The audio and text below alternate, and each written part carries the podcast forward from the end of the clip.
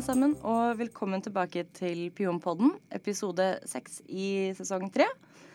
Eh, Jeg heter Hanna, og i dag så har jeg med meg Alma. Hei, Alma. Hei, hei. Hei, tusen takk for at du ville være med på podkasten. Tusen takk for at jeg får være her. Veldig spennende. Veldig ålreit. Si, du er jo eh, Det tar gjerne litt tid fra vi spiller inn til eh, episodene blir utgitt, men nå er du jo fremdeles dagsaktuell. eh, som vi skal snakke litt om. Men jeg tenker for lytterne sin del, kan du introdusere deg selv? Det kan jeg. Jeg heter Alma. Alma Adore, if you're nasty. jeg er 23 år gammel. Jeg kommer fra Rogaland. Eh, jeg er en stripper. Men jeg er litt mer enn det også. Jeg har en bachelor i kultur og kommunikasjon fra UiO. Eh, Nærmere bestemt sosiologi, for den som ikke kjenner eh, bacheloren min så godt. Eh, jeg skrev bacheloroppgave om stripping. Fra hva jeg kunne se, var det første gang noen gjorde det på ti år. Så eh, det var på høy tid. Mhm. Eh, jeg er også halvt latinamerikaner. Veldig heldig som har flere kulturer i ryggen. Jeg er glad i dyr og glad i iskrem. Det er vel sånn cirka alt du trenger å vite om meg. Ja, jeg- hvis jeg får legge til, også, også gaming. Ja. Ja. Yes. Uff a meg. Guilty pleasure. Eller ikke guilty engang, men uh... Eh, altså, jeg tror det var Pink som sa det. I don't feel guilty about any of my pleasures. Jeg, jeg er så med på, på akkurat den. Syns det er veldig deilig at det er flere, flere som gamer på podkasten. Ja. Uh, veldig ålreit. Yes. Uh, så du er jo da aktuell på grunn av en kronikk som du skrev i avisen, og et intervju som, eh, som også ble gjennomført. Og jeg tenker at dette her skal, skal vi jo snakke om. Jeg har snakket om det litt grann tidligere også i denne sesongen. Og kjernen i saken er jo Rødt sitt forslag om å inndra skjenkebevilgninger på steder hvor det Altså, de sier jo strippeklubber, men det Eller de sier ikke strippeklubber. Det de har foreslått, er vel erotisk underholdning og toppløshet. ja, det var noe hvor det foregår eh, eh, underholdning med avkledning og toppløs servering, var det vel det var, sånn cirka. Og underholdning med avkledning, det er jo, det er jo så mangt. Det er ganske vagt, altså. Ja, ja. Det men første jeg tenker på da, for det er jo gjerne burlesk. Mm. Eller drag. Mye drag. Mye drag. Helt enig. Helt enig. Men det var jo veldig åpenbart at dette var et angrep mot strippeklubbene, hovedsakelig. Det var jo det de gikk ut og sa også, at dette her var eh, Strippeklubber er eh, kjøp og salg Nei, det var handel med kvinner. Og jeg Ja. tenker jo Nå har jeg også jobba på, eh, på strippeklubb for en del år siden, og altså er det handel med kvinner? I, altså, I den grad kvinner forhandler om pris på lapdance eh, og hva som skal innebæres, og hvor mye det koster for et utdrikningslag, og hvor mye det er for slike og sånn, så, så ja, det er handel, men det er den, det, er ikke det de tenker. Nei. Det er ikke den uh, forståelsen de har av uh, handel med kvinner. De tenker på menneskehandel. Ja. Så det er spennende. Spennende. Ja, absolutt. Ehm, de, I den samme artikkelen som eh, de ga ut i, i Dagsavisen, så eh, pekte de jo også på eh, at de ikke bare gikk ut mot strippeklubber, men også mot alle arrangementer eh, som får skjenkebevilling, eh, ambulerende skjenkebevilling, eh, som har avkledning som en del av sin underholdning. Eh, og da pekte de jo spesielt på Sexhibition, og da hadde jo Sexhibition akkurat vært. Eh, og skrev at på eh, der så foregår det Hva var det de sa? Stripping og annen kvinneundertrykkende underholdning. Da jeg leste den saken, så syns jo Jeg begynte jo å le. Ja. For jeg var jo på scenen på Sexhibition. Ja. en av disse undertrykte kvinnene som Mm. drev med kvinneundertrykkende underholdning og stripping, da. Eh, jeg husker jo den helgen som utrolig morsom. Mm. Så gøy å kunne klatre opp i høy pole. Du får jo ikke tak i det i Norge. Nei, det gjør man Klart. kanskje ikke. Det Nei. Ja, Ja, ja, det er sånn utenlandsluksus. Sånn fire meter høy pole. Eh, klatre til himmels og henge derfra mens det er jubel under deg. Altså, det var en helt fantastisk stemning den helga.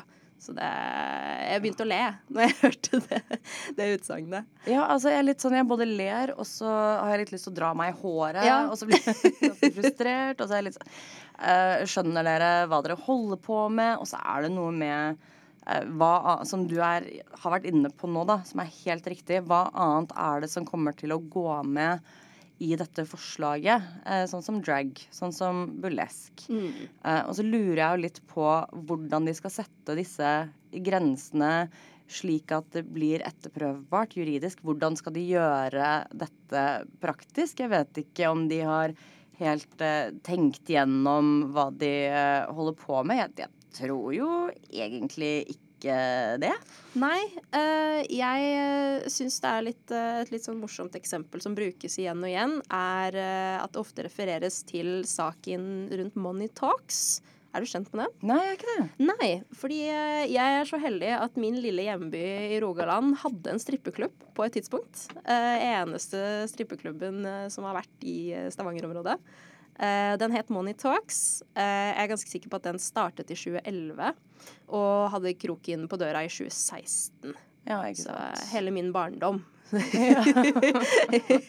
Eh, og den, eh, den ble lagt ned fordi den fikk inndratt skjenkebevilgning, skjenkebevilgning fra eh, bystyret.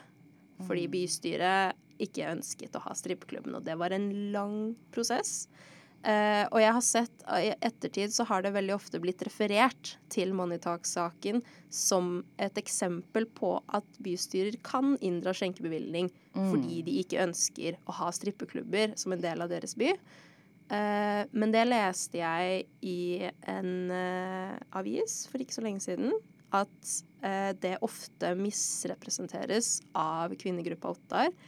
Eh, og de rammer det inn som at byrådet hadde muligheten til å kunne inndra skjenkebevilgning, mens eh, den fellende, avgjørende delen var i realiteten at salg av champagne kunne føre til økt alkoholsalg. Salg av champagne som en måte å få tid med jentene kunne føre til eh, økt alkoholsalg. Og det var et brudd på alkoholloven. ja, ikke sant. Det hadde ingenting med eh, faktisk forbud mot strippeklubber som en del av et bedre bymiljø eller noe annet, men at det ofte rammes inn annerledes av motstanderne.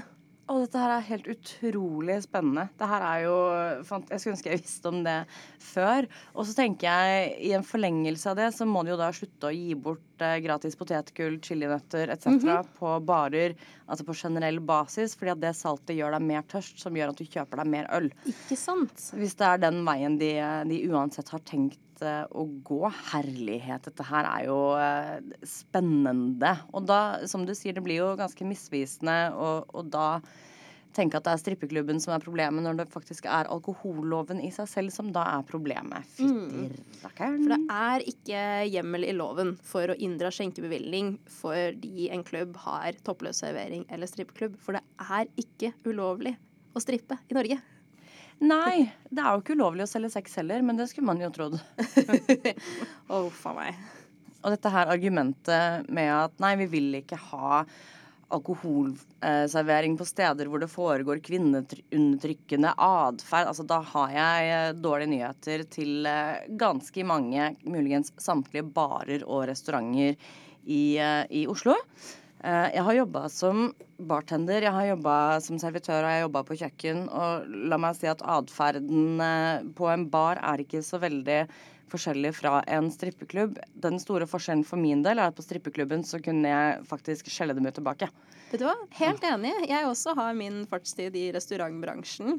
Og eh, det, jeg har ofte blitt spurt sånn Hva med sjefene dine når jeg er på strippeklubb? Når jeg jobbet der, hva med sjefene? Hvordan er sjefene dine? Jeg er sånn Ja, sjefen er jo kan jo være hipp som happ, men eh, jeg vil aldri bli behandlet verre enn det jeg gjorde da jeg jobbet på kjøkken i restaurantbransjen. Det, nei, der snakker vi eh, brudd på arbeidsmiljøloven til 1000. Ja, ja, herregud. Og samme mye da jeg jobba i bar, og jeg var så frustrert. Og jeg husker jeg ble så lei og så sint.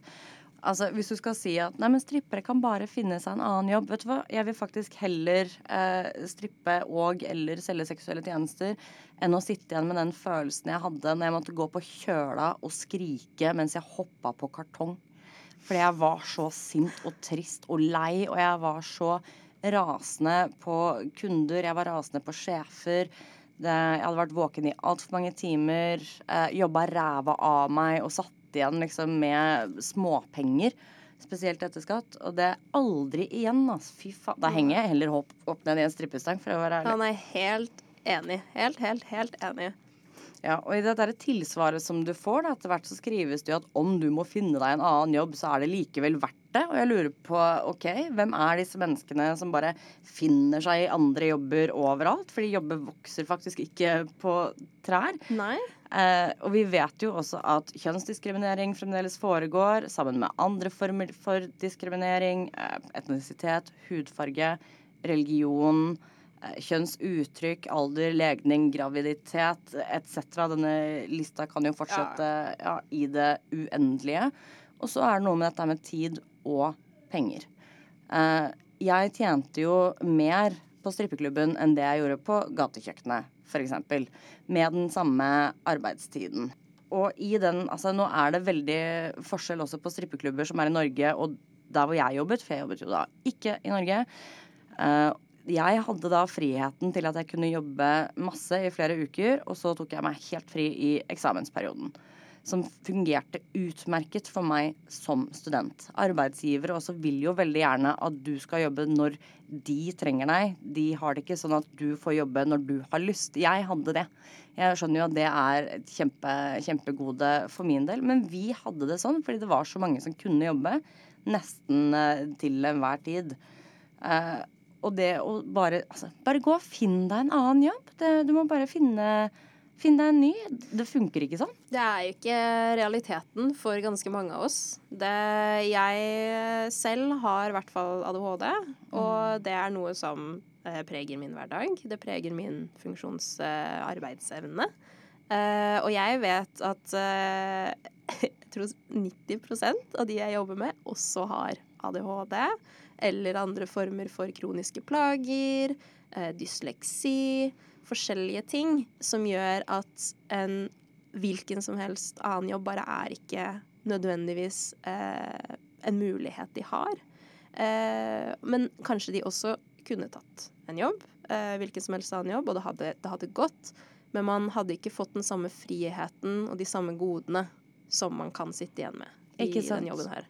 Nøyaktig. nøyaktig. Altså, det er jo ikke noen hemmelighet uh, at sexindustrien, og da, i, da mener jeg liksom i en sånn stor, mm. med, med, alle liksom underkategorier, så sexindustrien som da paraplybegrep er, uh, er overrepresentert av folk som har funksjonsvariasjoner, folk som kan ha ADHD, folk som kan ha forskjellige utfordringer som er med å kunne holde en hvilken som helst annen vanlig jobb. Eh, og enkelte har f.eks. barn som de har lyst til å være med mm. og ta vare på. Eh, det er jo en grunn til at vi gjør dette her. Så valg eksisterer ikke i et vakuum, for all del. Men hvis det bare hadde vært for meg å tatt på en annen jobb, så hadde jeg for i fletta gjort det. Altså. Det er jo ikke som jeg tenker at mm, vet du hva jeg har lyst til å gjøre? Bli stigmatisert for alltid. Det er kjempedeilig. hallo. Det er jo ikke sånn det funker. Men det gir jo fullstendig mening at de menneskene som vil legge ned industrien, eh, er villige til å ofre oss for sitt liksom, idealsamfunn. Fordi mm. deres idealsamfunn er jo et hvor du og jeg ikke eksisterer. Ja, jeg reagerte spesielt på dette utsagnet om at strippeklubbene skal være martyr for at kvinner skal slutte å bli undertrykt. Eh, at eh, strippeklubbene spiller en så stor Eh, rolle i ideen om at kvinner er, blir objektifisert. Eh, at det er Altså, det føltes ut som at det er vår feil at kvinner i alle andre områder i livet blir undertrykt av menn. Og det sliter jeg veldig med å forstå. At, uh, altså for de fleste jeg har pratet med, de vet ikke engang at strippeklubber eksisterer i Norge. Så å legge ned strippeklubbene i Norge at det skal være det som gjør at folk ikke blir tafset på på julebord, eller som gjør det det at folk får muligheten til å ta eh, topplederjobber, eller som gjør at folk eh, føler at de ikke trenger å gå gjennom med graviditeter de kanskje ikke ønsker å ha og sånn. Hvordan er det vår eksistens som stopper utviklingen for kvinner i alle andre områder? Det, det sliter jeg veldig med å forstå. Ja, Det er ekstremt mye ansvar, og det er også ekstremt mye makt. Jeg visste ikke at jeg hadde så mye personlig makt. At jeg kunne utgjøre feminismen og likestillingssamfunnet i Norge i 2022. Fy fader. altså Hvis jeg hadde tenkt det hver, hver morgen, hadde jeg følt meg som en superhelt. Ja. Jeg er ikke klar over at alt dette her lå på mine skuldre. Dette er ikke for å glorifisere eller romantisere strippeklubber. Det er ikke det som er poenget her. Eh, strippeklubber har en, et fjell av problemer. Det er så mange ting som jeg reagerer på når det kommer til strippeklubber. Men allikevel så stopper ikke likestilling med strippeklubber i Norge. Og så tenker jeg også at strippere er de som burde bli hørt på når det kommer til problemene som er på strippeklubber. Eh, ikke, ikke folk som aldri har vært der. Og det jeg også reagerer på, er jo disse tingene som folk bare står og omtrent finner på. Altså, det er folk som aldri har satt en fot på strippeklubb i hele sitt liv, og så står de i media bare Der foregår disse tingene. Bare, Hvordan i faen vet du det? Altså, folk har en fantasi som de lar løpe av gårde. Og så er det sånn Det er vold, det er undertrykkelse, de blir tvunget. Jeg bare, Herregud, du burde skrive en krimroman, men du burde ikke skrive politikk, for du aner jo ikke hva du holder på med. Jeg husker jeg syntes det var veldig morsomt uh, når de uh, på, skrev om disse bakmennene som uh, ligger bak, da, ligger i lur. Og ser liksom for meg en sånn mørk figur som ligger bak der og skal liksom gni seg i hendene og tjene masse penger. Og så tenkte jeg sånn, men hvem er det? Er det han fyren borti DJ-booten som driver og roper over høyttalerne 'Has anyone seen my chocolate?' Liksom, er, det, er det han du prater om? ja, jeg er så enig. Um, det er noe med Hvis vi forestiller oss disse samfunnsfiendene, som også er litt udefinerbare Det er veldig beleilig å si at det er masse slemme menn bak som utnytter kvinner og barn. For det er veldig effektivt, dette bildet som vi får da. Det er veldig effektivt å si at det er slemme menn som utnytter, utnytter svake kvinner. Selvfølgelig går du i fakkeltog for det. Mm. Åpenbart er ikke det noe vi vil ha i samfunnet. Dette bildet av eh, disse fæle, voldelige mennene som sikkert lenker fast kvinnene på rommene sine, og de får ikke lov til å gå ut, og de får ikke snakke med noen, og hele den derre Lilja Forever-historien som gjerne kommer med. Men igjen, disse menneskene har jo aldri vært på strippeklubb, så skjønner, ellers har de vært der én gang. ikke sant? Mm. Uh, og nå vet de alt. Nå er de eksperter. Mens strippere de er sikkert kjøpt og betalt av halliklobbyen, eller så er de for dumme for å snakke for seg selv. Mm. Eller så er vi med på leken. Vi er kvinneundertrykkere og utnyttere, vi mm. også. Og det tenker jeg også sier en del om stigma mot mennesker i sexindustrien, og da strippere og også vi som er det som heter full service sex workers. Altså mm. vi som faktisk har eh, penetrerende sex med, med våre klienter. Mm. Ja, det var et av de tingene jeg håpet å få fram med kronikken min. At eh, jeg har jobbet på en strippeklubb. Jeg har jobbet med strippere. Jeg har jobbet med norske strippere. Jeg har jobbet med utenlandske strippere jeg kjenner ganske mange i uh, industrien, uh, i hvert fall den delen av industrien her i Norge. Og det siste jeg hadde kalt disse kvinnene, er ressurssvake. Mm. Dette er kvinner som uh, har reist så langt over så mange landegrenser for å jobbe her i Norge. Altså, jeg hadde blitt pissredd hvis jeg skulle liksom pakket kofferten min og reist til en helt annet land og bodd i en leilighet med andre kvinner jeg ikke kjenner og ikke vet hvem er, og bodd der i to måneder. Og forlatt alt man har og alle man kjenner, og kanskje ikke snakker språket. Man snakker jo ikke norsk, snakker engelsk, ikke sant. Kanskje ikke så bra heller. Og det her er beintøffe damer.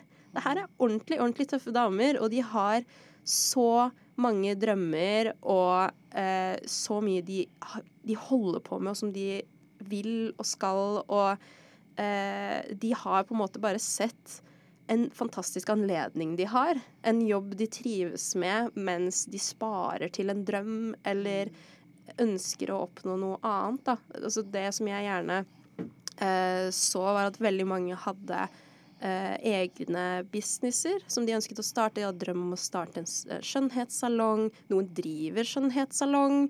Eh, noen er danselærere. Altså jeg har jo jobbet med flere dansere som er utdannede danselærere fra høytstående altså danseakademier. Eh, og noen er språklærere, for de har reist så mange år at de har lært seg flere språk og kan lære bort. Og noen bare vil være strippere og ser for seg at de kommer til å bli i industrien for alltid, eller når de blir si, for gamle, da, at, eller eh, kropp, knærne sier nei takk, nå holder det, eh, som er helt eh, ekte ting. da tenker de å se for seg å drive med agency, som vi kaller det, altså sånne byråer som hjelper jenter med å reise over landegrensen og gjøre det litt tryggere. Så altså all slags folk. All slags folk, men ingen ressurssvake mennesker. Ingen ressurssvake mennesker. Mm, det stemmer ganske godt med, med, min egen erfaring også. Og for all del, det er jo folk som, som er strippere, og som bare dette er jobben. Uh, noen ganger så er det greit, andre dager så har jeg lyst til å bare altså, svimeslå halvparten av folka rundt meg. Men, men ærlig talt, sånn er det faktisk i en del andre jobber også. Um, og så er det en veldig sånn jo, men det er annerledes fordi at det er kvinner som underholder menn. Det er annerledes fordi at det er erotikk. Det er annerledes fordi at vi lever i et patriarkalsk samfunn. Det kan man jo for all del argumentere for, men jeg tenker ikke at løsningen er å gjøre kvinner plutselig arbeidsledige. Jeg tenker ikke at løsningen er mindre rettigheter, vanskeligere forhold eh, å måtte gjemme seg for politiet. Jeg tenker ikke at løsningen er å kaste kvinner ut i fattigdom. fordi som vi var inne på i stad, så er det faktisk ikke bare å finne seg en annen jobb. Eh, og en ting som jeg legger veldig merke til med dette her Ja, nei, hvis de må slutte der og finne seg noe annet, så er det greit. Disse menneskene har aldri en adekvat jobb stående klar til oss. Det er aldri en arbeidskontrakt. Det er aldri et firma som er klare til å ta imot alle disse som plutselig blir arbeidsledige, eh, som har de samme hva skal vi si, godene da, som stripping har. Uh, og så er det litt sånn Nei, men det, det, er ikke vårt ansvar. Hvis de ikke kan det, så må de gå på Nav. Altså, å navigere Nav kan være et helvete i seg selv. Det er mange som er fra utlandet. De har ikke nødvendigvis noen rettigheter på Nav. Mm. Eh, og det som skjer når du kommer på Nav, er at de vil at du skal finne deg en annen jobb. Og da er du tilbake til de samme utfordringene som tidligere nevnt, som diskriminering i arbeidslivet, rigide arbeidstider, skift som legges til midt i når du egentlig skal være på en forelesning eller ta vare på familie, eller ikke sant, putt inn det som passer, og veldig lite fleksibilitet. Og fleksibilitet er jo det som veldig ofte nevnes av strippere og andre som jobber i sexindustrien. Det er det de vil ha. De trenger en fleksibil altså arbeidstid og et liv. Og igjen, det her er ikke for å glamorisere strippeklubb eller industrien. Det er ikke for å si at nei, det er bare gøy, det. Hurra Madrid. Det, for det, sånn funker det ikke. Eh, men så må jo folk faktisk forstå hvorfor vi jobber med dette her. Det er et fjell av utfordringer på strippeklubber rundt omkring i verden. Og de som vet mest om dette her, det er de som jobber der sjøl. De beste løsningene fremmes stort sett av de med mest kunnskap, altså arbeiderne sjøl. Og da blir jeg litt sånn Det er veldig sært å se at folk på utpreget venstreside eh, ikke skjønner at dette her er klassekamp og arbeiderkamp. Og så lurer jeg på, er de begrepene kun forbeholdt arbeid og kvinner de selv liker? Mm, man kan jo spørre seg det. Altså, ja. Det var jo 100 mitt eh, budskap i den kronikken. At OK, du kan synes hva du vil om jobben min, men jobb er jobb. Og alle arbeidere fortjener rettigheter. Det skulle vært så selvsagt, og det gjelder oss også. Og jeg tror for det, det ble jo forsket på dette her i 2013 i Norge, hvor Fafo gikk til klubbeiere. Altså de snakket med jeg tror det var bortimot 40 personer i industrien, industrien, i Norge. Både dansere og klubbeiere. Og klubbeierne etterlyste i 2013 mer involvering fra politikerne og fra myndighetene for å kunne sette ordentlige regelverk for industrien sin, for å kunne sikre at de overholder reglene sine, uh, sånn at de ikke står i fare for å bli bare stengt av når som helst, og de kan sikre sine arbeidsplasser. Men også sånn at uh, de har noe å henvise til jentene, og bare for alles sikkerhet, rett og slett. Det har jo aldri vært et spørsmål om hvordan vi kan forbedre industrien, eller hvordan vi kan gjøre noe for menneskene i industrien. Det eneste spørsmålet gang på gang er legge den ned eller ikke legge den ned. Og det, det At det er der vi står fast, det forstår jeg ikke. Det er igjen da dette her samfunnssynet som jeg mener at infantiliserer kvinner i veldig stor grad. Sånn ingen vil noensinne ha jobbet med dette fri. Hva faen vet dere om det? Uh, jo, folk er veldig, veldig forskjellige. Uh, jeg trivdes godt uh, på strippeklubben, og for all del. Det var dager hvor jeg virkelig hadde lyst til å mokke til noen med platåskoene mine. Altså, for guds skyld.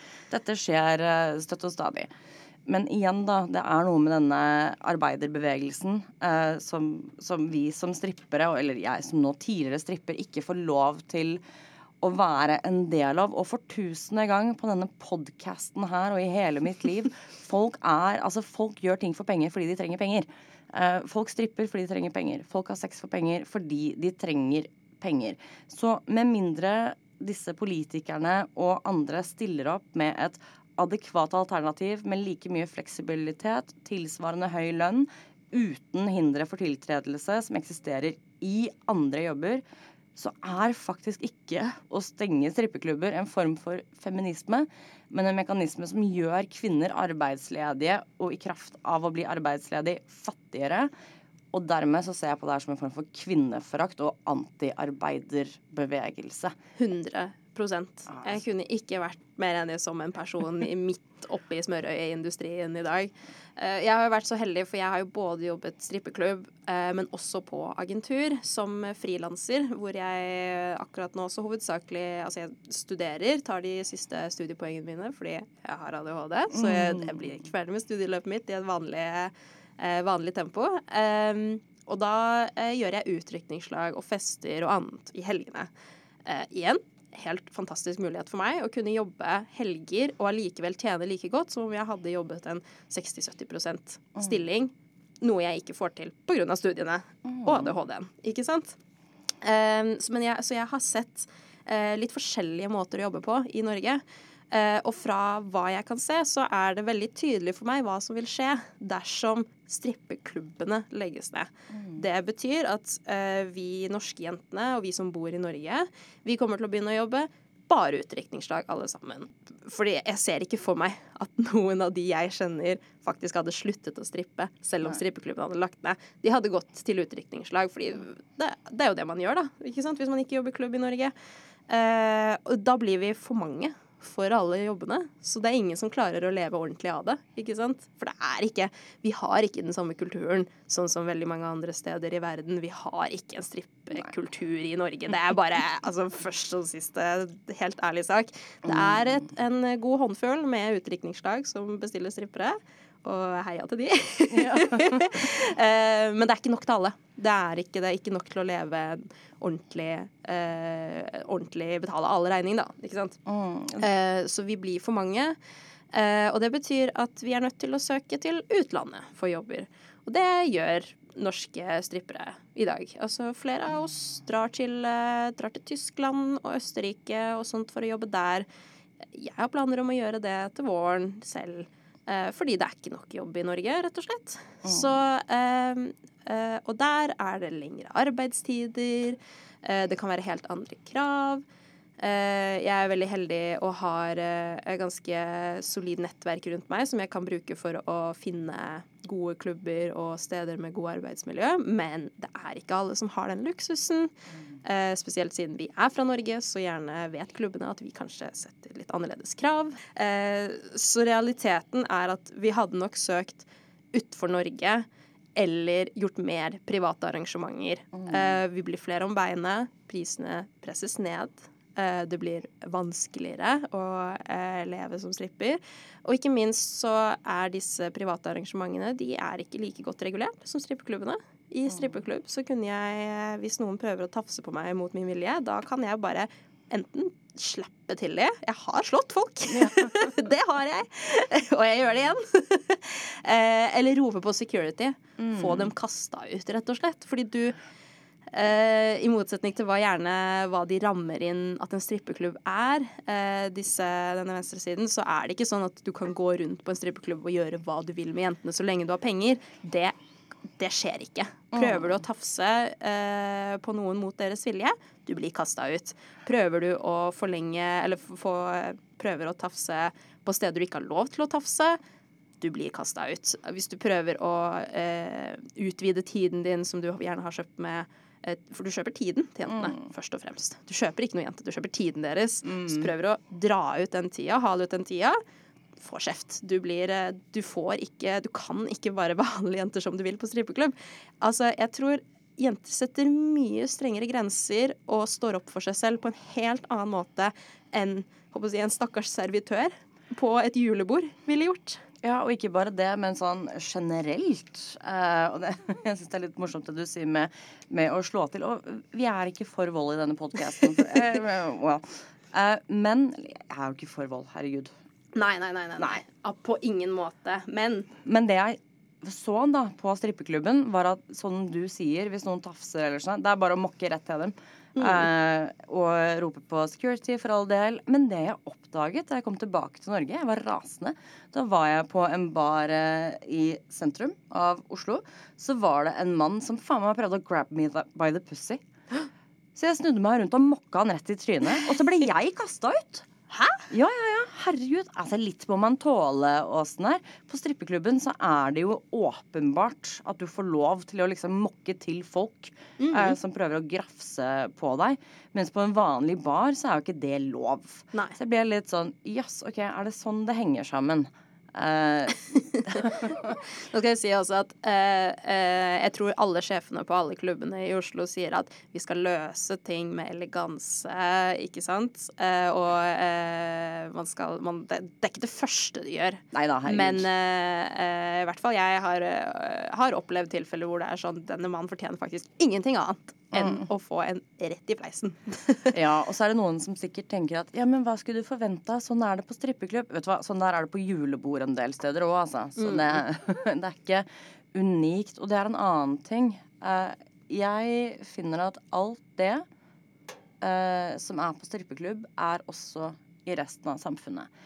Jeg finner at det er drittsekker som er eh, på strippeklubb. Jeg finner dem også i resten av samfunnet. Skjønnhetspress er på strippeklubb, er også i resten av samfunnet.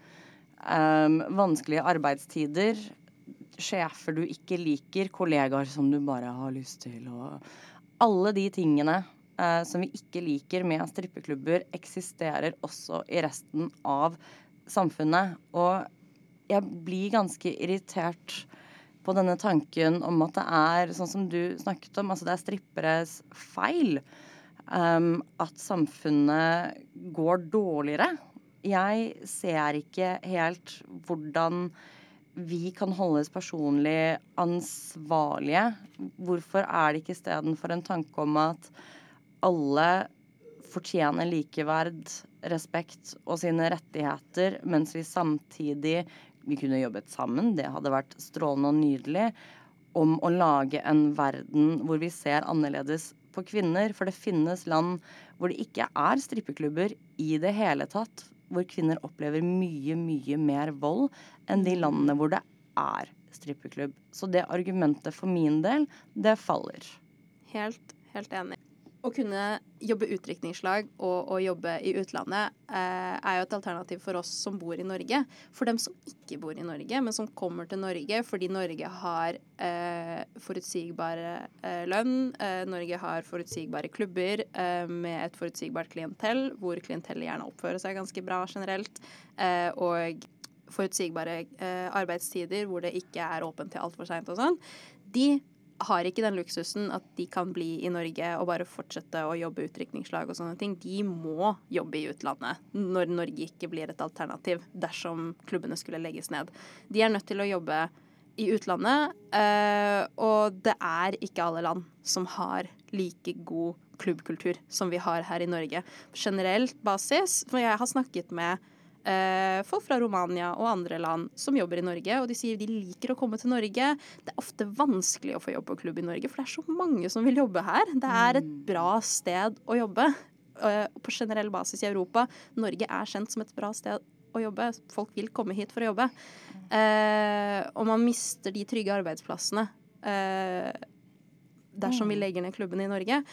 Da er alternativet at de kanskje er nødt til å ta en jobb i Romania, hvor de får enormt mye mindre betalt, hvor det er genuint overgrep. Eh, uten å liksom Det er ikke sånn at strippeklubber alle andre steder i Norge er shitholes. Det er, det er ikke realiteten heller. Men, men uh, sannsynligvis sannsynligheten for at kvinnene blir uh, behandlet langt, langt verre, er større. Så hvis man ønsket å hjelpe kvinner, så er ikke forbud veien å gå. Å legge ned klubbene i Norge vil ikke faktisk redde noen kvinner eller få dem ut av menneskehandel eller hva, hva søren, liksom. Det, realiteten er mest sannsynlig mer brutal om klubbene i Norge legges ned.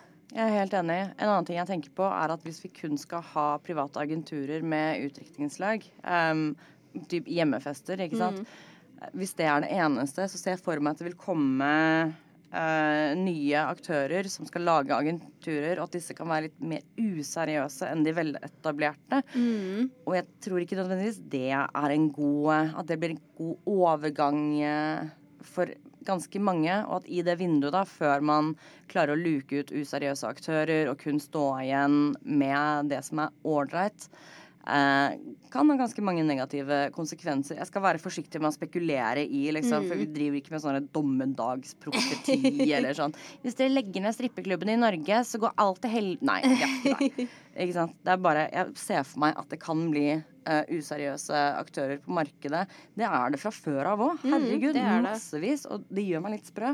Jeg tror noe av grunnen til det er også fordi at det er såpass stigmatisert. Det er Folk tenker på stripping som shady. De tenker på strippeklubber som et sted hvor kriminalitet kan oppstå.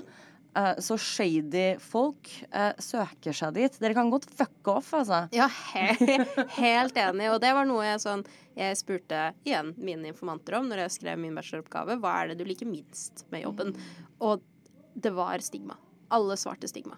100% Det er ingenting som skader kvinneindustrien mer enn stigma. Det er at de, de ikke kan være ærlige med familien sin, at de går rundt og lyver. Jeg selv holdt det skjult for min familie, og holder fortsatt skjult for mye av min familie. Og den smerten av å måtte lyve hver gang over hva du driver med. Hvordan har det gått med deg i det siste? Nei, det går helt fint, men egentlig hadde jeg en skittig dag på jobben og skulle gjerne kunne liksom grått om det, da. Ikke sant? Det, det stigmaet, det å ikke kunne ikke vite hva det vil ha å si for barna dine i fremtiden, eller eh, at man kan slite med å få seg en partner som respekterer deg, altså som er helt sykt eh, i seg selv. Ja. Eh, slite med å få jobber i fremtiden dersom man eh, går en annen vei, ikke sant. Det stigmaet skader disse kvinnene mer enn noen, noe annet som jeg kan, eh, kan se, da. Jeg er absolutt 100 eh, enig. Og så er det jo eh, motargumentene som jeg pleier å få, er sånn Ja, men hvis du ikke vil oppleve stigma, så må du bare gjøre noe annet. Igjen, jobber vokser jo eh, ikke på trær, som kjent. Eh, vi har vært innom hvorfor eh, stripping, annen, andre former for sexarbeid er foretrukket. Valg eksisterer ikke i vakuum. Eh, for enkelte så er dette det beste tilgjengelige alternativet. Burde vi også ha andre alternativer? Åpenbart. Er dette fremdeles det beste vi har?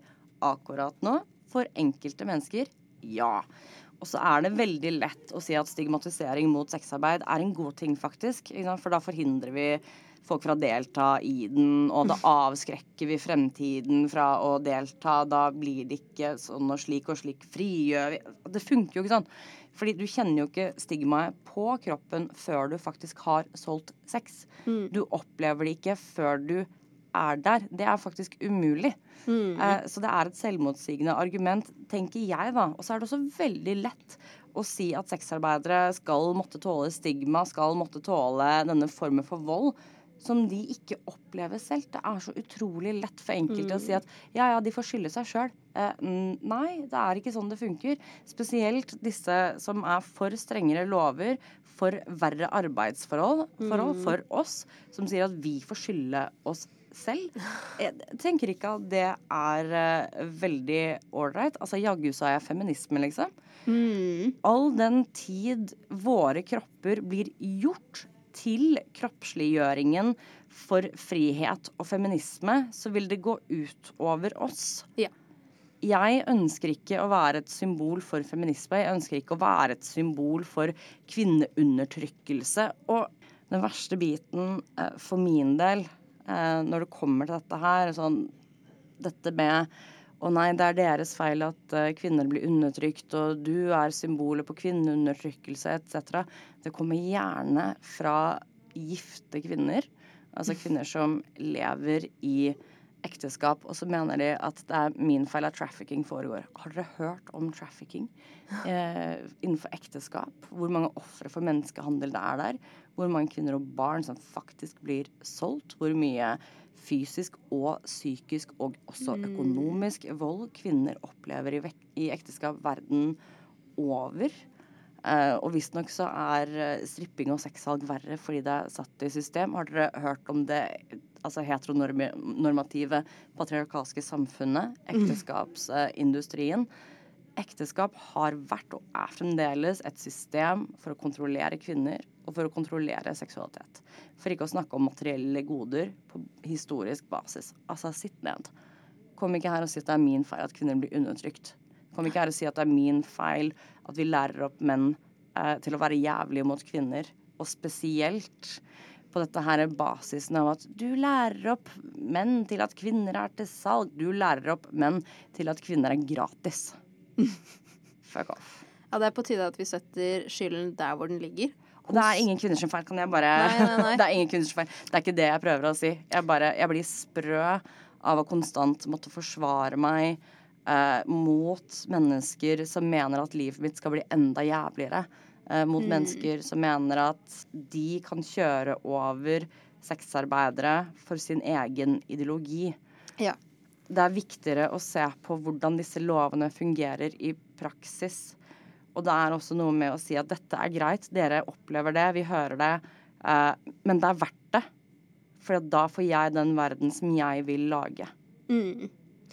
Og jeg tenker at det er ikke vits i at uh, vi feminister skal drive og sånn krangle mot hverandre om hvem som har det virkelig, ekte virkelighetsbildet og sånne ting, når vi burde legge ansvaret der hvor det er, og det er hos mennene våre. Mm. Uh, i, i, vi burde lære opp menn til å ikke tafse på kvinner. Selv om du er på en strippeklubb, så skal du ikke tafse på kvinner. Lære opp menn til at kvinner du, En kvinne kan ikke selge seg selv. Er, ingen er til salgs. Du kjøper en tjeneste. Du kjøper tid. En mm. person, ikke sant. Hvorfor skal vi kvinner holdes ansvarlige for at kvinner undertrykkes? Hvorfor kan vi ikke i stedet for gå til menn? Mm. Holde dem ansvarlige? Jeg syns også en del av ansvarliggjøringen må ligge Eller ikke ansvarliggjøringen, men en del av tankegangen må være der at vi kan ikke stenge ned eh, og kriminalisere altså, sexindustrien, strippeklubber etc. når det samtidig ikke er et adekvat alternativ. Dette her er å gjøre kvinner økonomisk sårbare. Jeg føler ikke at det er å fremme likestilling. Du kan godt hate sexarbeid, du kan godt hate strippeklubber. Det er greit. Du må ikke like det. Det er helt, helt greit. Du trenger ikke like meg, du trenger ikke like industrien, du trenger ikke like noen av oss. Men ikke gjør oss økonomisk sårbare. Mm. Det kjenner jeg at det er ganske ganske råttent, da. Jeg syns det var ganske eh, kanskje det mest provoserende med det motsvaret. At eh, nei, vi er uenige, og vi kommer sannsynligvis ikke til å bli enige, men jeg skjønner ikke hvorfor den parten som ga meg motsvaret, er den som da skal ha den eh, makten til å stenge ned min arbeidsplass. Hvorfor er min stemme som feminist mindre verdt enn en annen feministstemme? Hvorfor er det eh, hennes måte, side av saken som da skal få lov til å bestemme at det skal bli en lovgivning og true min arbeidsplass, når jeg sier imot? Fordi det er altså, maktblinde. Ikke sant, det er det.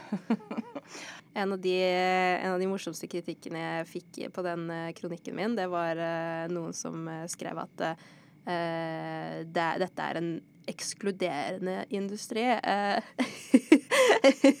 dette var en veldig ekskluderende industri i forhold til skjønnhetsstandarder.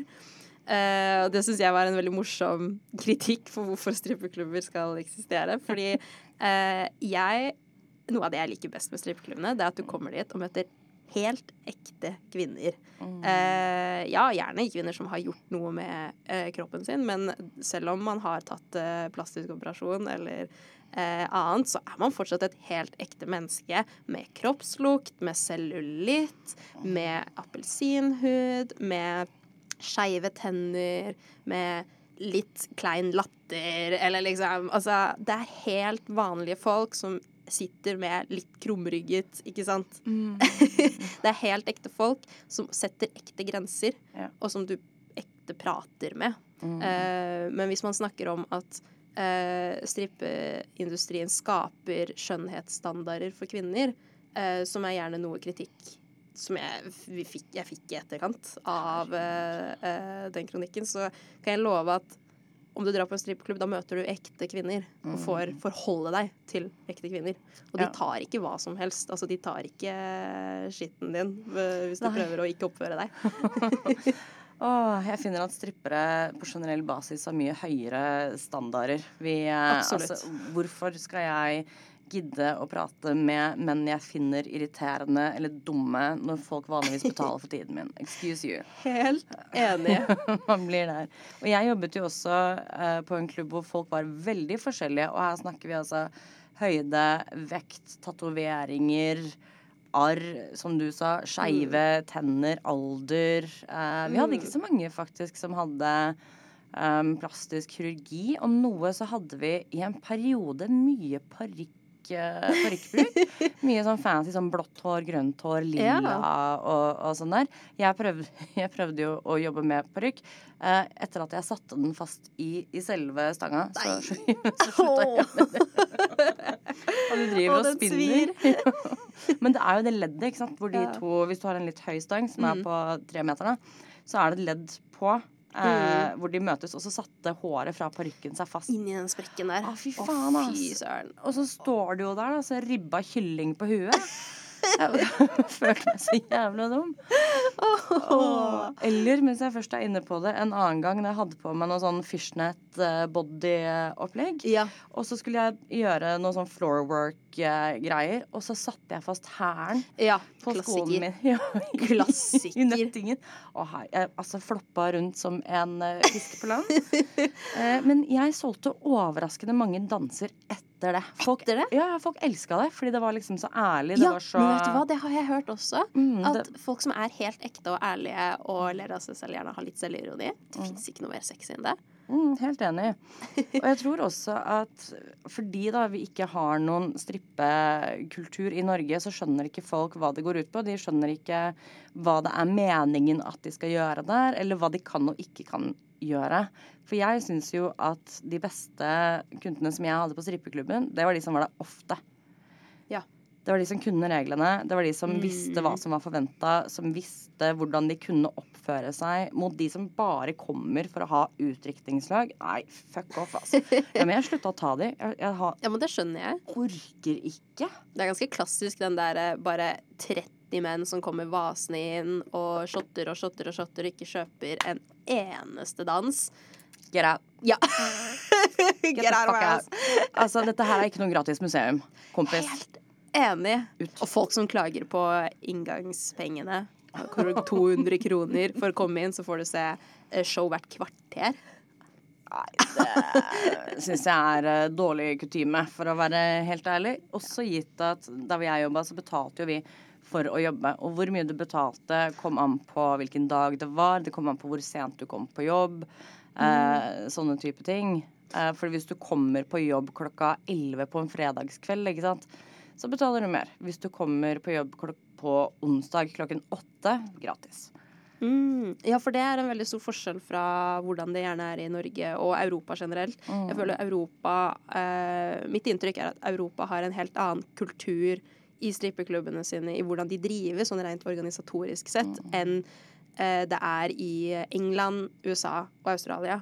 Eh, fordi at jeg har skjønt det sånn at man, man har sånne house fees, som, du, som man kaller det. ikke sant? Ja, ja for eh, mye av eh, media som man konsumerer om strippeklubber, er jo fra USA, ikke sant? Og egentlig så er det ganske annerledes å jobbe i Norge enn sånn som det er i USA. Eh, for det er jo noen alkoholregler. Gjerne at man, ofte så er det sånn at man kan ikke vise alt. Man kan ikke være fully nude hvis det serveres alkohol. Og omvendt, at hvis det ikke serveres alkohol, da kan det være fully nude. Uh, jeg tror at i Texas, kan være det her er feil, men det er en av disse delstatene, der er det eh, prostitusjon og ulovlig hvis du tar av deg skoene på noe som helst tidspunkt. ikke sant? Det er så mange forskjellige måter å drive på, men sånn hovedsakelig i Europa så betaler vi jo ikke housefees. Eh, det er ofte hvis, I Norge så har du gjerne enten en garanti at sånn OK, har du ikke tjent noen ting, så får du 600 kroner eller noe sånt, da. Eh, uansett. Men eh, ute i Europa, Tyskland og, og rundt der, der har, får du gjerne eh, fastlønn i tillegg. Bare for å dukke opp. I tillegg til provisjonen. At du får en 600-800 kroner som basis. Det vi hadde, var at vi betalte et housefee, og vi drev ikke med, med å selge noe champagne eller eh, sånn type, eller rooms eller whatever. Uh, vi solgte spesifikt lapdances og Oh. tid for lapdances, uh, og jeg beholdt alle de pengene selv. Ja, ikke sant? For da beholder du alle til gjengjeld, ikke sant? Men du betaler en house fee. Betalte dere tips også? Nei, det er akkurat det. Fordi i statene så må du jo tipse DJ og ja.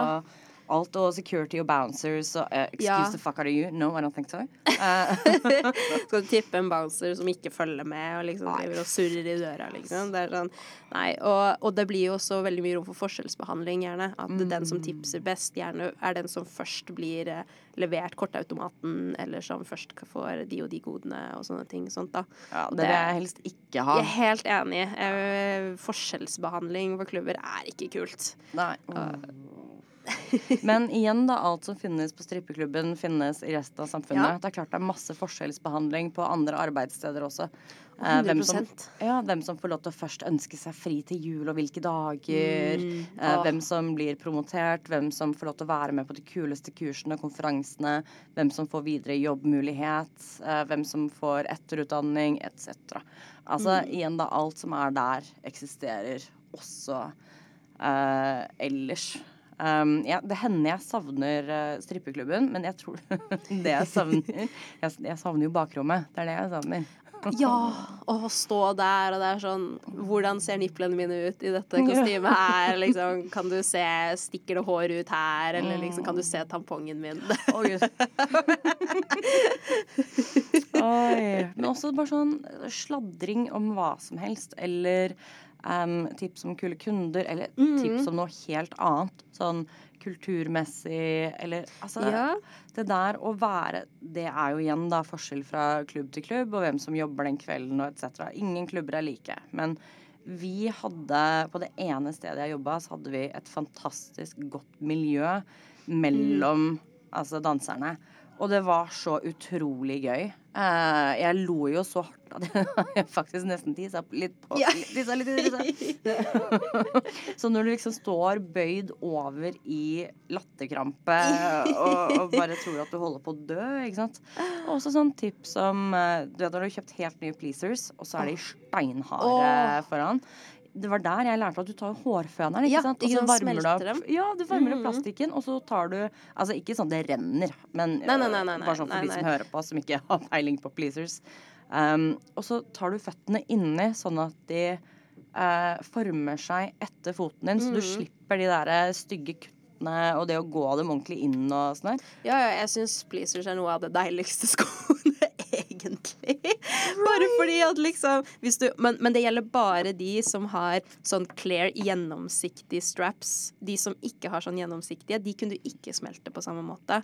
Eh, eller Ser du ser litt lurt på meg? Oh, jeg hadde svarte straps, og de kunne jeg smelte. Du kunne smelte de. For jeg kjøpte et par med svarte straps en gang. Mm. Eh, tenkte at det skulle være kult. Jeg klarte ikke å smelte dem. Jeg klarte ikke å gå dem inn. Og så var jeg liksom Jeg spurte de andre jentene om hjelp. Jeg var sånn De her gnager så mye. Og de var sånn yeah, You never buy not clear straps. Oh my god. Everyone knows this. så jeg bare OK, greit. Lærte på den vonde måten. Men eh, det var jo sånn som ting jeg lærte av de andre jentene der. Og eh, jeg tror en av de fineste øyeblikkene jeg har hatt på strippeklubben, det var eh, før det kom kunder på inn.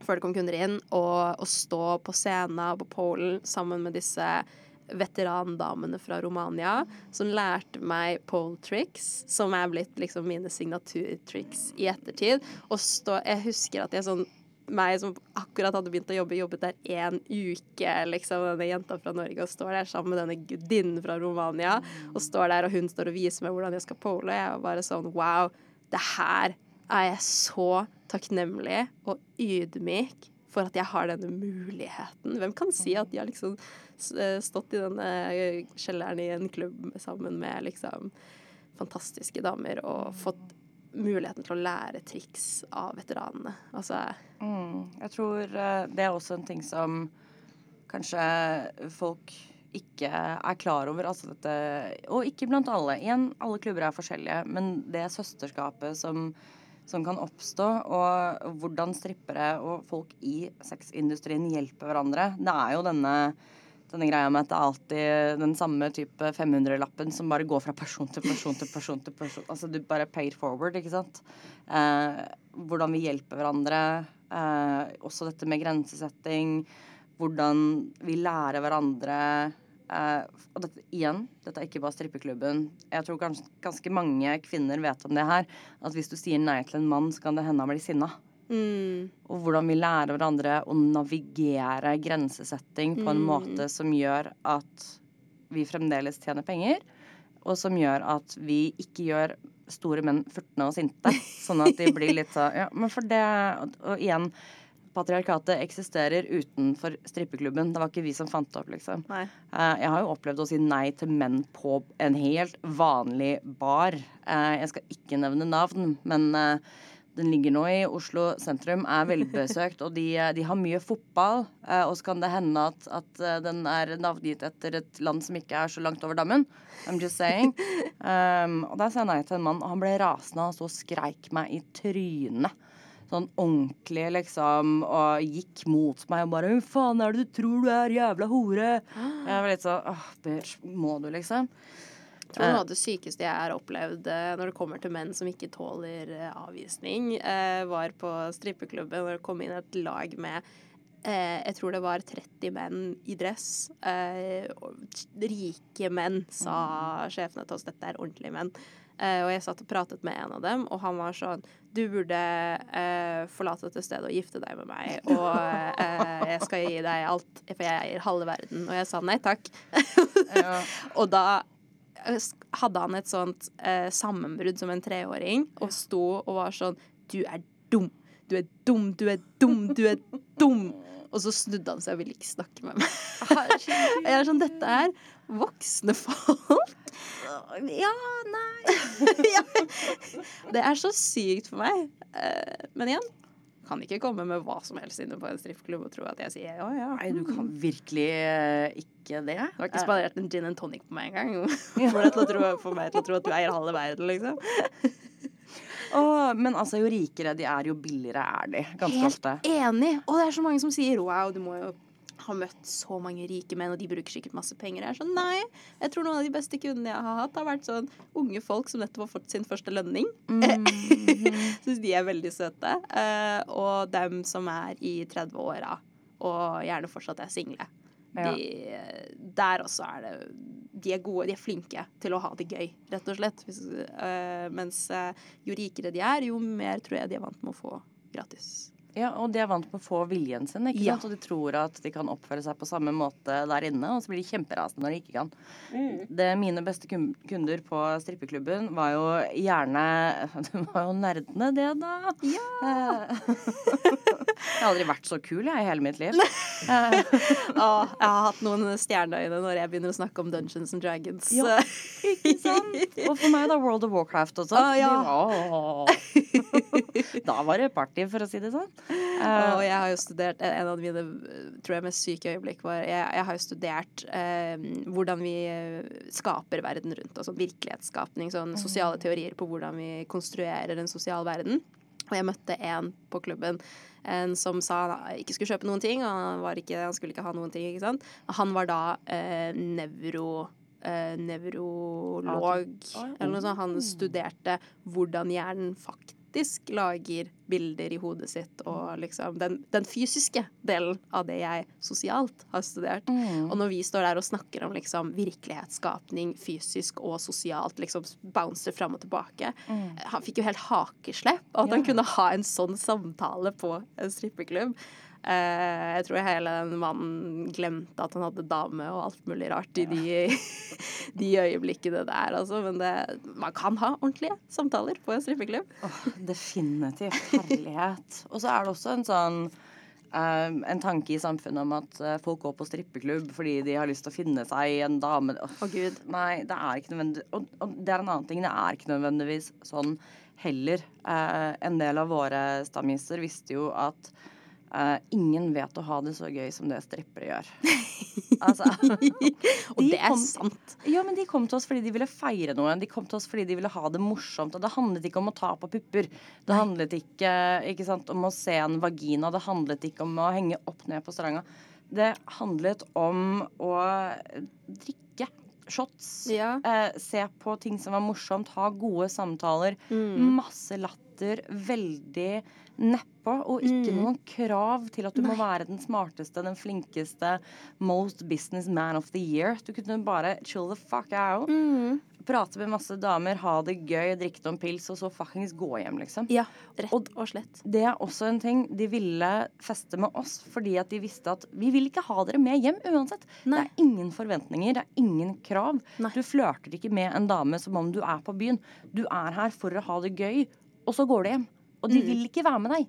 Du slipper å våkne opp liksom, med å tenke 'Å nei, har jeg nå flørtet med en dame som vil ha et forhold?' Jeg som akkurat har kommet ut av et. Ja, ikke sant. Å nei, nå blir det drama, eller du flørta med den kollegaen, eller det er liksom det er noen sånn intriger eller noe sånn fram og tilbake. Jeg tror det er en av de tingene som er på en måte Som jeg tror er eh, appealing, eller sånn med oss sexarbeidere, er jo at vi er enkle. Rett og slett. Enkle å forholde oss til ofte. Det er ofte mindre drama og sånne ting. En av de tingene som eh, jeg spurte mine eh, informanter om når jeg skrev bacheloroppgaven min opp stripping, var eh, hva, om de var glad i jobben sin. Og det alle sammen svarte, var at de satte veldig pris på eh, å kunne gi noe til kundene sine. Mm. Alle sammen følte at de gjorde noe godt i jobben sin. At de eh, genuint satte pris på å gjøre kunder glad, gi dem gode opplevelser og ha det gøy med kunder. Og se at for flere så kunne det bety ganske mye. Jeg tror veldig mange, eller noen da, som kommer til strippeklubber, eh, kanskje ikke er vant med å få positiv respons fra damer. Ja. Eh, at gjerne sånn eh, Man er vant med å liksom OK eh, Man kan flørte litt og sånn, men at man ikke nødvendigvis får noe tilbake. Ikke sant? Folk ikke er interessert og sånne ting. Jeg tror at det gjør noe godt for mennesker å kunne få eh, føle seg litt ung, føle seg litt fri. Få flørte eh, uten eh, no strings attached, liksom. Og så få positiv respons. Eh, og så er det Det er flyktig. Det er bare et lite øyeblikk, men det er en god følelse. Ja, altså no strings attached. No strings attached, og så går du hjem. Jeg tror en av de fineste lapdansene jeg hadde, det var en fyr som uh, var der, og han sa liksom Jeg var sånn Hei, vil du ha en lapdance? Og han var sånn Nei, jeg ser, har sett de andre få lapdance, og det er bare gnikking og pupper og rumpe, og jeg er ikke interessert. Jeg var sånn OK, uh, hvis du blir med meg, så skal jeg love deg at du skal føle noe, sa jeg til han. Tok han med inn på privatrommet og ga han en lapdance. Eh, og han kom ut derfra og sa at eh, jeg er 50 år, men dette er første gangen på mange, mange år at jeg følte at jeg var 20 år i en sommerflørt, i en sommer som varer for alltid, og fikk den følelsen tilbake. Han klemte meg og sa takk. Mm. Jeg tror at strippere er noen magiske vesener som kan bety mye for folk. Og det, Ja, definitivt. Uh... det syns jeg er en veldig fin ting. Ja, jeg vil bare påpeke at vi må ikke være det. Nei. Å nei, på ingen måte. Ja, for det, jeg har hatt en del uh, som kommer, og så vil de gjerne ha en sånn magisk connection, og så liker jeg dem ikke. Og så, eller så syns jeg ikke bare sånn jeg, jeg bare, Kanskje de er kjedelige. Eller kanskje Ja, jeg bare helt fair. har en dårlig dag på jobb og bare uh, OK, whatever. Men husleie skal betales og, og sånn der. Og så bare gjør jeg det jeg skal, og for all del, jeg smiler og jeg er høflig og prøver åpenbart ikke sant, at dette her skal være kult og morsomt, men så blir de litt sånn Jeg har fått bedre danser før. Jeg bare Ja, jeg har fått mer penger før. Eh, og det er jo som vi snakket om, da. Arbeid er arbeid. ja, fuck it. Eh, men vi gjør ikke det er, det er mange som gjør jobben sin fordi de genuint liker den også. Ja, ja, ja, Ikke sant? Det kan være gode, gode dager på jobben også. Ja, Og- definitivt. Eh, og, Og det er jo en del som er sånn Ja, men dere er jo bare der for penger. Altså, la meg bare få gi denne banebrytende informasjonen at det fins ganske mange yrker som handler om å enten underholde eller Mm. ivareta på forskjellige måter. Eh, om det så er helse, omsorg Har ikke noe å si. Hvor, hvor ingen jobber gratis. Eh, de, de er også der for å få eh, penger. Det, Mm. det er en ganske vital del av dette her som er med eh, å jobbe. Mm. Og så Vi skal jo straks uh, gi oss uh, her. Jeg ser at tiden, uh, tiden løper ganske fort i, i disse episodene. Et, et siste spørsmål som, som jeg liker å stille, og jeg vet at i siste episode så må jeg sikkert svare på det selv, og jeg aner ikke hva jeg skal si. Og det er jo da din favoritt-medieting Ja. om eller i industrien. Og, og her er det mange alternativer, men har du kommet uh, fram til noen? Hmm. Jeg syns denne var litt vanskelig. Uh, kanskje først og fremst så vil jeg bare sånn si at jeg syns det er veldig spennende at uh, vi begynner å få en sånn skift i popdiskurs om rundt stripping. Altså Før var det på en måte nesten bare forbeholdt liksom gangsterrappere og sånn, eh, rappe om strippeklubber og sånn, men nå har de jo liksom Altså WAP, liksom. Altså hva Eh, Det har jo fått en helt ny eh, oppsving nå, også med TikTok. Altså hashtag striptalk på TikTok er jo, har jo på en måte påvirket så utrolig mange. Og jeg gjorde en håndsopprekning eh, når jeg eh, la fram min eh, bacheloroppgave for eh, alle de som tar studiet som jeg tok nå. Eh, og da spurte jeg de hvem av dere har fått opp videoer av en stripper som teller penger på TikTok. Mm. Og nesten alle rakk opp hånda.